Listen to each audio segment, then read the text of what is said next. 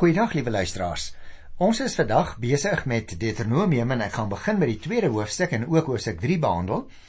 Vir mense wat dalk vir die eerste keer inskakel, wil ek baie baie spesiaal welkom sê.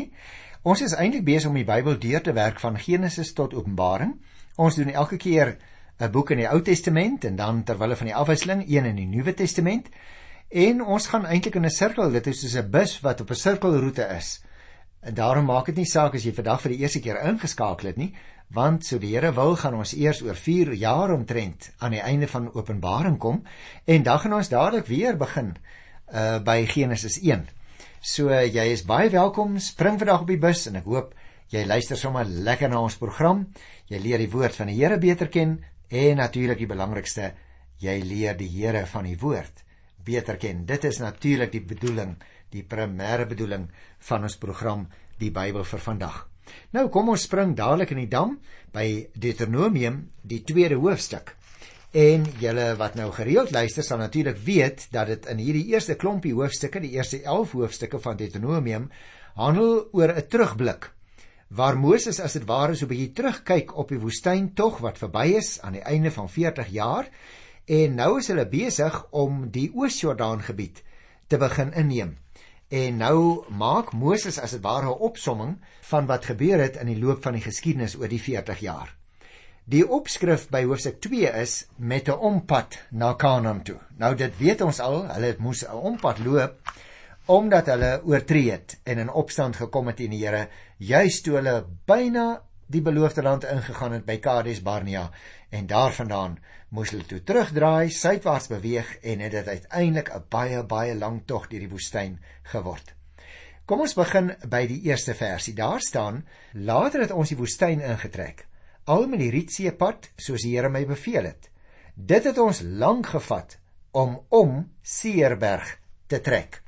Nou liewe luisteraar, die volk het natuurlik lank by Kades gebly.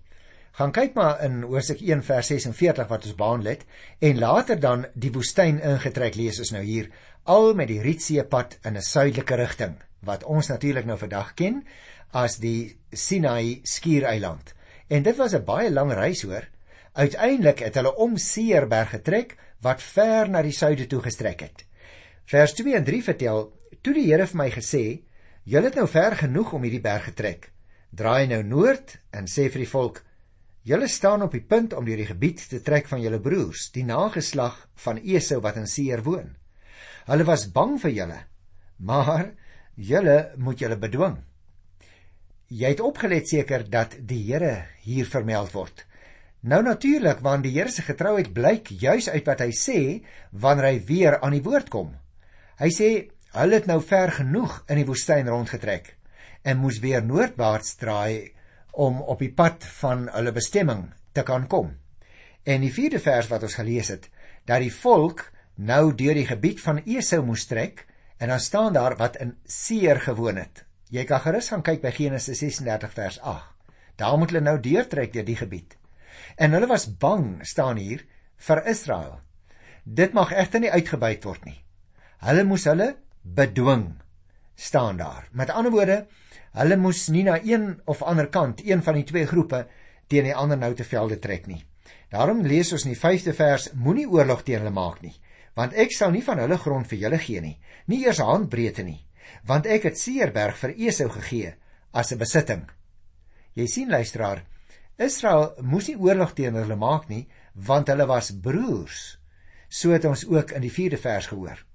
Aangesien die gebied deur die Here vir Esau as besitting gegee is, en hy getrou bly aan sy beloftes, sal hy nou ook nie toelaat dat selfs 'n handbreedte daarvan weggevat word en in die hande van die Israeliete kom nie. En so gee die Here natuurlik aan elke volk sy land, net soos hy dit aan sy verbondsvolk gegee het destyds. Die 6ste vers vertel die kos en die water wat julle nodig het, moet julle by julle koop. Jy sien die kos en die water wat die volk nou sou nodig hê, nie net vir hulle self nie, maar ook vir hulle vee, moes hulle by Edom koop. Gedurende die trek moet ons ook onthou deur die gebied van die Edomiete het die Here sy volk die hele tyd deur bygestaan. As ek nou hierdie eerste paar verse tot by vers 6 net vir 'n oombliekie mag saamvat, luisteraars, dan sou ek dit wou sê. God het die Israeliete gewaarsku om versigtig te wees terwyl hulle deur Edom reis. Die Edomite het hulle natuurlik as soldate beskou en was dus op hulle hoede solank die volk van Israel in hulle gebied was. Die Here het hulle gewaarsku nou om nie in gevegte met Edom betrokke te raak nie, om eerbied te toon in die vreemde land en om vir alles wat hulle wou hê te betaal. Hy wou dus hê dat hulle die regverdige pad moes volg en dat hulle ook regverdig moes optree teenoor al hulle buurvolke. Nou moet ons natuurlik ook regverdig wees teenoor ander mense in ons tyd. Respekteer altyd die regte van ander mense, luisteraars, ook van die met wie jy selfs nie saamstem nie. En as jy verstandig en regverdig optree, kan jy dalk 'n goeie verhouding opbou hoor. Of een wat 'n knou gekry het, kan jy weer herstel. Daarom is jou optrede van sulke groot belang, veral juis ook as jy in ander mense se grondgebied sou kom. Vers 7 sê die Here julle God het julle voorspoedig gemaak in alles wat julle gedoen het. Hy het sy oog oor julle gehou in hierdie woestyn. En in hierdie hele 40 jaar was die Here by julle en het julle niks kort gekom nie. Sy oog het hy oor hulle gehou lees ons en hulle voorspoedig gemaak en gesorg dat hulle niks kort gekom het nie. Jy moet onthou luisteraar, Moses is besig met 'n terugblik op die geskiedenis wat al amper 40 jaar van tevore afgespeel het, nê? Die 8ste vers en ek dink dit is belangrik, staan daar ons het toe verbygetrek by ons broers, die nageslag van Esau wat in Seir woon. En ons het uit die woestynpad weggedraai by Elat en Eshon Geber en met die pad na die Moab woestyn toe verbygetrek. 'n Interessante opmerking. Gehoorsaam aan die opdrag wat die Here vir hulle gegee het, het Lot verbygetrek lees ons. En hulle het uit die woestynpad of Rietseepad weggedraai na wat ons vandag ken as Eilat en Esongeber. Dit was natuurlik baie ver suid as jy op die landkaart sou kyk by die golf van Akaba geleë. En die pad na die Moab woestyn waarvan ons hier lees, wat hulle hiervandaan gevolg het, het oos van Edom en Moab verbygegaan. Vers 9 sê en toe die Here vir my gesê, moenie die Moabiete aanval en teen hulle oorlog maak nie, want ek sal nie van hulle grondgebied vir jou as besitting gee nie. Ek het arf vir die nageslag van Lot gegee as besitting. Jy merk dus op, hulle mag ook nie van die Moabiete se grondgebied neem of die Moabiete aanval nie, want hulle was die nageslag van Lot vir wie die Here ook sou sorg. Ar, die plek Ar wat hier genoem word, die natuurlik is 'n aanduiding vir die landstreek van Moab. Jy kan gerus aan kyk in Numeri 21 vers 28, daar kry jy dit ook. En wat nou in die volgende verse gaan volg, luisteraars, vers 10 tot by vers 12, staan nie tussen aanhalingstekens nie, juis om aan te dui vir die leser, dis nou vir jou en vir my, dat dit nie deel van Moses se toespraak gevorm het nie, maar is eintlik 'n verklarende aantekening wat later ten opsigte van Moab en Edom deur later skrywers toegevoeg is tot die gedeelte. Daarom kan jy dit maar self gaan lees, ek gaan dit nou nie behandel nie. Ek tel weer die verhaal op hier by die 13de vers. Die Here het verder gesê: trek nou deur Seretspruit en ons het deurgetrek. Dis 'n belangrike opmerking wat jy sien, hier gaan die toespraak nou weer voort. Hulle word aan herinner hoe hulle gehoorsaam aan die opdrag van die Here die Seretspruit oorgesteek het destyds. Nou dit was natuurlik 'n spruit wat uit die ooste kom en in die suidekant van die Dooie See uitmond. Dan kom ons by vers 14 en 15 Vandat ons van Kades Barnea af weg is tot ons deur die Seretspruit getrek het, het 38 jaar verloop. Teen daardie tyd was die weerbare manne uit die ouer geslag nie meer tussen ons nie, soos die Here destyds vir hulle met 'n eed aangekondig het. Sy hand was teen hulle en hy het hulle almal laat omkom. Toe het al daardie weerbare manne onder sy volk uitgesterf geraak. Dit beteken dus, liewe luisteraar, dit was nie vir Israel nodig om 'n volle 40 jaar lank na die beloofde land toe te trek nie. Nee. Die Here het besluit dat hulle so lank in die woestyn se rondswerf omdat hulle teen sy liefde in opstand gekom het. Sy gebooie veronagsaamheid en die verbond wat in Eksodus 19 vers 8 en ook in Eksodus 24 van die 3de vers af met hulle gesluit het, doelbewus verbreek het. Jy en ek maak ook maar dikwels so asof ons lewe vir onsself. En ons maak dikwels ook die lewe vir onsself moeilik, juis omdat ons ongehoorsaam is. Aanvaar God se liefde, liewe luisteraar. Lees sy gebooie of sy riglyne as jy wil in die Ou Testament ook. Gehoorsaam hulle, beloof om altyd aan die Here vas te hou, wat jou omstandighede dan ook al mag wees. En dit bring my by vers 17. En die Here het vir my, dit is nou Moses gesê, Jy staan op die punt om deur die Moabiete se gebied by Ar te trek en jy sal naby die grens van die Ammoniete kom. Moet hulle nie aanval nie en moenie teen hulle oorlog maak nie, want ek sal nie van hulle grond vir jou as besitting gee nie. Ek het dit vir die nageslag van Lot gegee as 'n besitting. Nou hier luisteraars het Moses nou 'n nuwe opdrag ontvang. Israel was, so lees ons, op die punt om vanaf die gebied van die Moabiete by Ar die grens van die Ammoniete te bereik. En ook teen hulle lees ons nou, mag Israel nie oorlog maak nie, omdat die Here ook vir hierdie nageslag van Lot, net soos vir die Moabiete, sorg. Wonderlik dat die Here so getrou bly in alles wat hy sê en doen. Ek gaan die volgende paar verse uitlaat hier in Deuteronomium by die tweede hoofstuk, want ek wil graag optel by vers 24. Die opskrif daarvan is die Israeliete verslaan vir Sion. Vers 24 sê die Here het my gesê: "Breek kamp af en trek deur die Arnon kloof. Ek gee die Amoriet, die koning Sion van Gesbon en sy land in jou mag. Begin nou. Neem sy land in besit. Maak oorlog teen hom." Die Here as opdraggewer kom nou weer hier direk aan die woord. Hulle moes naamlik die kamp afbreek en deur die Arnon kloof trek. Dit het aan koning Sion, die Amoritiese koning van die gebied Gesbon, behoort. In 'n vroeër stadium sal jy onthou luisteraar, het hierdie gebied van die Moabiete verower. Ons het die verhaal gelees in Numeri 21 daar by vers 26. Nou moes die land weer van hom afgeneem word. Luister na vers 25. Vandag bring ek skrik en vrees vir jou oor al die volke op die aarde. Wanneer hulle hoor en sien wat jy doen, sal hulle bewe en bang wees vir jou. Met ander woorde, so sou die Here vir sy volk sorg en terselfdertyd skrik en vrees oor al die volke bring. Wanneer almal dan hoor wat gebeur het, lees ons, sal hulle bewe en bang wees vir Israel. God het naamlik vir Moses gesê dat al die vyandelike nasies van Israel bang sou wees vir hulle. Hy sou daarvoor sorg. Met ander woorde, Gemeet aan wêreldse standaarde was die leer van Israel eintlik nie baie sterk nie hoor, maar God was aan hulle kant. En dis nie belangrik om die sterkste of die grootste altyd te wil wees nie. Nee. Al wat belangrik is, is of God aan 'n mens se kant is of nie. Ek moet dit miskien selfs nog beter uitdruk, liewe luisteraar. Al wat belangrik is, is of jy en ek aan God se kant is. Maar luister nou net wat staan hier in vers 26 en 27. Uit die Kedemot woestyn het ek boodskappers na koning Sion van Gesbon toe gestuur.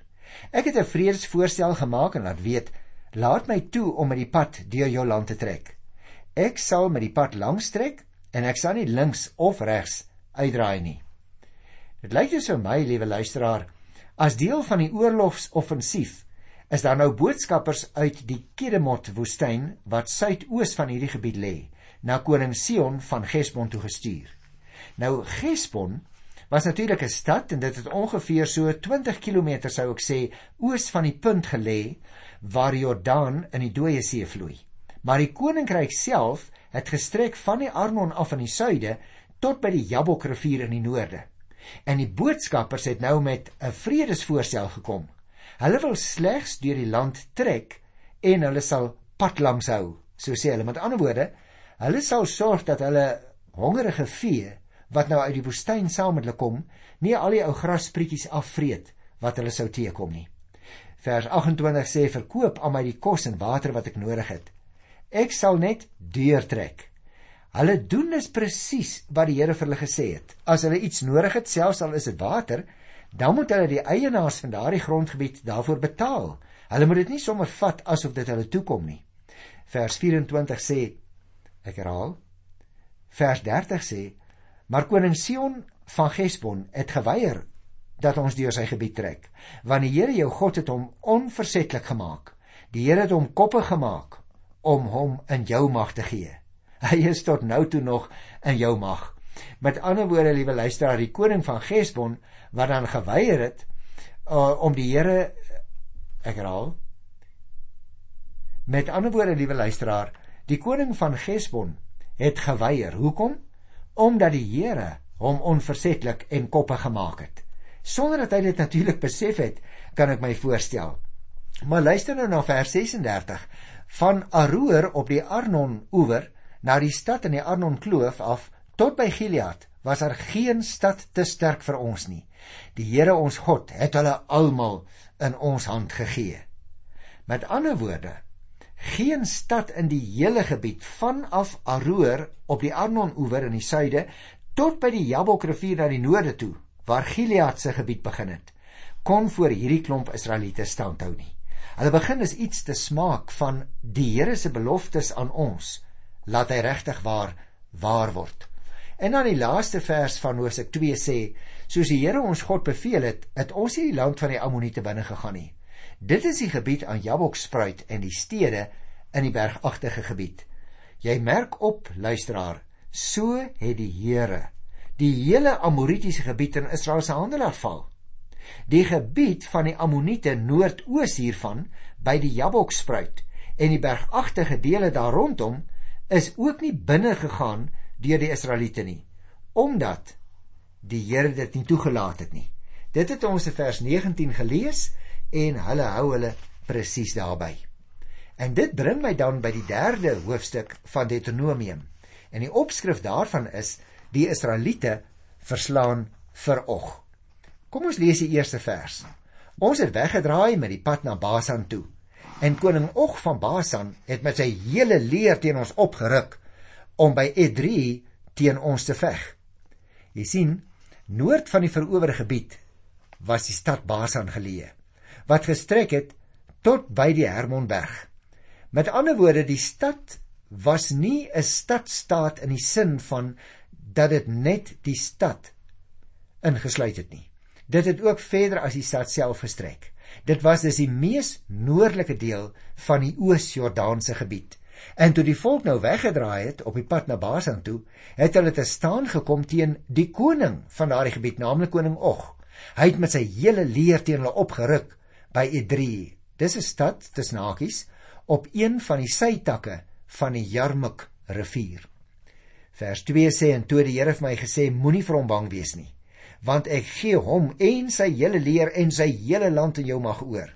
En jy moet met hom maak soos jy gemaak het met koning Sion van die Amorite wat in Gesbon gewoon het. Jy sien, die Here het vir Israel aangespoor en hulle ook bemoedig om juis tydens die stryd teen koning Sion van Gesbon baie sterk te staan en nou moet hulle weer nie bang word vir die vyand nie. Vers 3 sê die Here ons God het toe vir die koning Og van Basan en sy hele leer in ons mag oorgegee. Ons het hom verslaan en nie een van sy mense het weggekom nie. Jy sien die verloop word duidelik vir ons geteken in die Bybel. Die Here het koning Og en sy hele leer aan Israel oorgegee. En daarna natuurlik het Israel hulle verslaan lees ons sodat niemand weggekom het nie. Vers 4 en 5 gee vir ons ander inligting. Ons het destyds al sy stede verower. Daar is nie een van die 60 stede in die Argob streek wat Og se ryk in Basan was wat ons nie afgevat het van sy mense nie. En al hierdie stede was versterk met hoë mure, met poorte, met sluitbalke. Daar was ook baie dorpe sonder mure. Dis 'n interessante gegewe, nie waar nie? Jy sien die 60 stede in die Argop-streek, 'n vrugbare gebied binne die koninkryk, is almal verower. Al was hulle versterk met hoë mure en met poorte met sluitbalke. Kan jy die prentjie teken, liewe luisteraar, van hierdie klomp Israeliete wat nou een stad na die ander begin oorneem? Hoekom? Omdat die Here hulle bystaan. Maar hulle duidelike opdrag van sekere gebiede wat hulle dan nie mag inneem en mag verower nie. Vers 6 sê ons het hulle almal heeltemal verwoes soos ons gemaak het met koning Sion van Gesbon, wie se stede ons met mans en vrouens en kinders en al uitgewis het. Nou vir jou en vir my klink dit waarskynlik vreemd, maar onthou, dit was die opdrag van die Here en dit was deel van die kultuur van daardie tyd. Die 7de vers sê ons het net die vee en wat daar in die stede te buit was vir ons gevat. Al hierdie stede val dit my nogal op, liewe luisteraar, sowel as die dorpe sonder mure is nou verwoes en die inwoners is uitgewis. Vee en ander goedere is toe buitgemaak na die verwoesting van die stede. Vers 8 sê ons het destyds die gebied van die twee Amoritiese konings oos van die Jordaan afgevat. Die gebied van die Arnon rivier af tot by Hermonberg Nou dit is 'n groot stuk aarde hoor. Die hele gebied van die twee Amoritiese konings oos van die Jordaan is dus op hierdie manier deur die volk Israel verower. En die Bybelskrywer sê vir ons dit het gestrek van die Arnon rivier af in die suide tot by die Hermonberg wat natuurlik ver na die noorde van die land gelê het waar hulle rond beweeg het. Die volgende afdelingkie begin by vers 12. En die opskrif in die Afrikaanse teks is Moses gee die verowerde gebied aan Ruben, Gad en die halwe Manasse stam. Kom ons lees hierdie paar verse.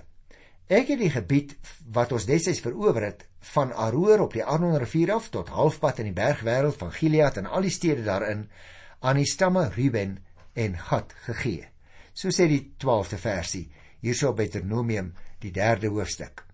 Jy sien die verowerde gebied wat nou beskryf is in vers 8 tot 10 word nou op hulle versoek aan die stamme Ruben, Gad en die halwe Manasse stam verdeel.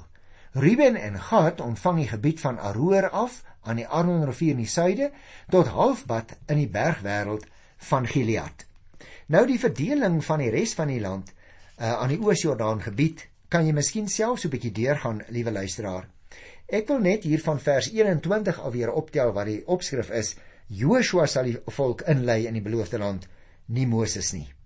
Vers 21 sê: Ek het destyds vir Joshua gesê: Jou twee oë het nou alles gesien wat die Here jou God met daardie twee konings gedoen het. So sal die Here ook doen met al die koninkryke waarna toe hy jou laat deurtrek. Dit is 'n belangrike opmerking wat ons hier kry, né? Want die 21ste vers sê juis aan Joshua wat nou later sal jy weet by Moses oorgeneem het, is ook 'n opdrag gegee. Hy het met sy twee oë gesien lees ons wat met die twee konings, dit is nou Sion en Og, gebeur het en dit was die Here staan daar wat dit alles gedoen het. Met ander woorde, hierdie wete moes aan hom die sekerheid gee van die oorwinning oor die koninkryke waarna toe hy nou op pad was om deur te trek. Kom ons lees hier by vers 26, want hier kry ons nog 'n bietjie inligting. Daar staan: "Maar deur julle toedoen het die Here destyds vir my kwaad geword en daarom het hy nie nou my gebed verhoor nie. Hy het vir my gesê: "Jy het nou al genoeg daaroor gepraat. Moenie weer met my oor hierdie saak praat nie." Jy sien, liewe luisteraar, in sy teleurstelling dat hy self nou nie die beloofde land mag intrek nie, blameer Moses nou die volk. Juis van wie hulle sonde by Kades Barnea het die Here destyds vir hom kwaad geword, sal julle nog onthou. En nou staan daar: Daarom word sy gebed nou ook nie verhoor nie. Hy mag nie weer daaroor praat nie. Met ander woorde, Moses moet nou maar vergeet. Die Here sê as dit ware vir hom: Jy het gesondig, Moses. Ek is die regverdige God. Ek doen wat ek sê en daarom het jy nie die reg meer om in die beloofde land in te trek nie omdat jy die rots geslaan het met jou kierie toe ek vir jou gesê het jy moet met die rots praat. En daarom wil ek net vers 28 en 29 lees in Deuteronomium 3 waarmee ons dan afsluit. Gee vir Joshua sy opdragte. Praat hom moed in, gee hom raad, want hy moet voor hierdie volk uit deur die Jordaan trek en hy moet hulle die land wat jy sal sien in besit neem. Daarom het ons in die laagte teenoor Bet Peor gebly.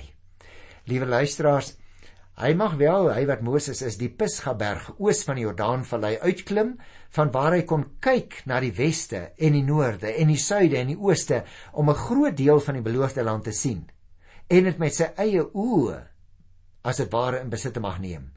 Hy moes goed daarna kyk omdat hy selfs nie die Jordaanrivier sou oorsteek nie. En daarom sluit hierdie hoofstuk 8 met vers 28. Daarom het ons in die laagte teenoor Bet Peor gebly. Jy sien, God het dit duidelik gestel dat Moses nie in die beloofde land sou ingaan nie. Gaan lees maar weer Numeri 20 vers 12. En daarom het die Here hom nou opdrag gegee om Joshua as die nuwe leier van die volk aan te stel.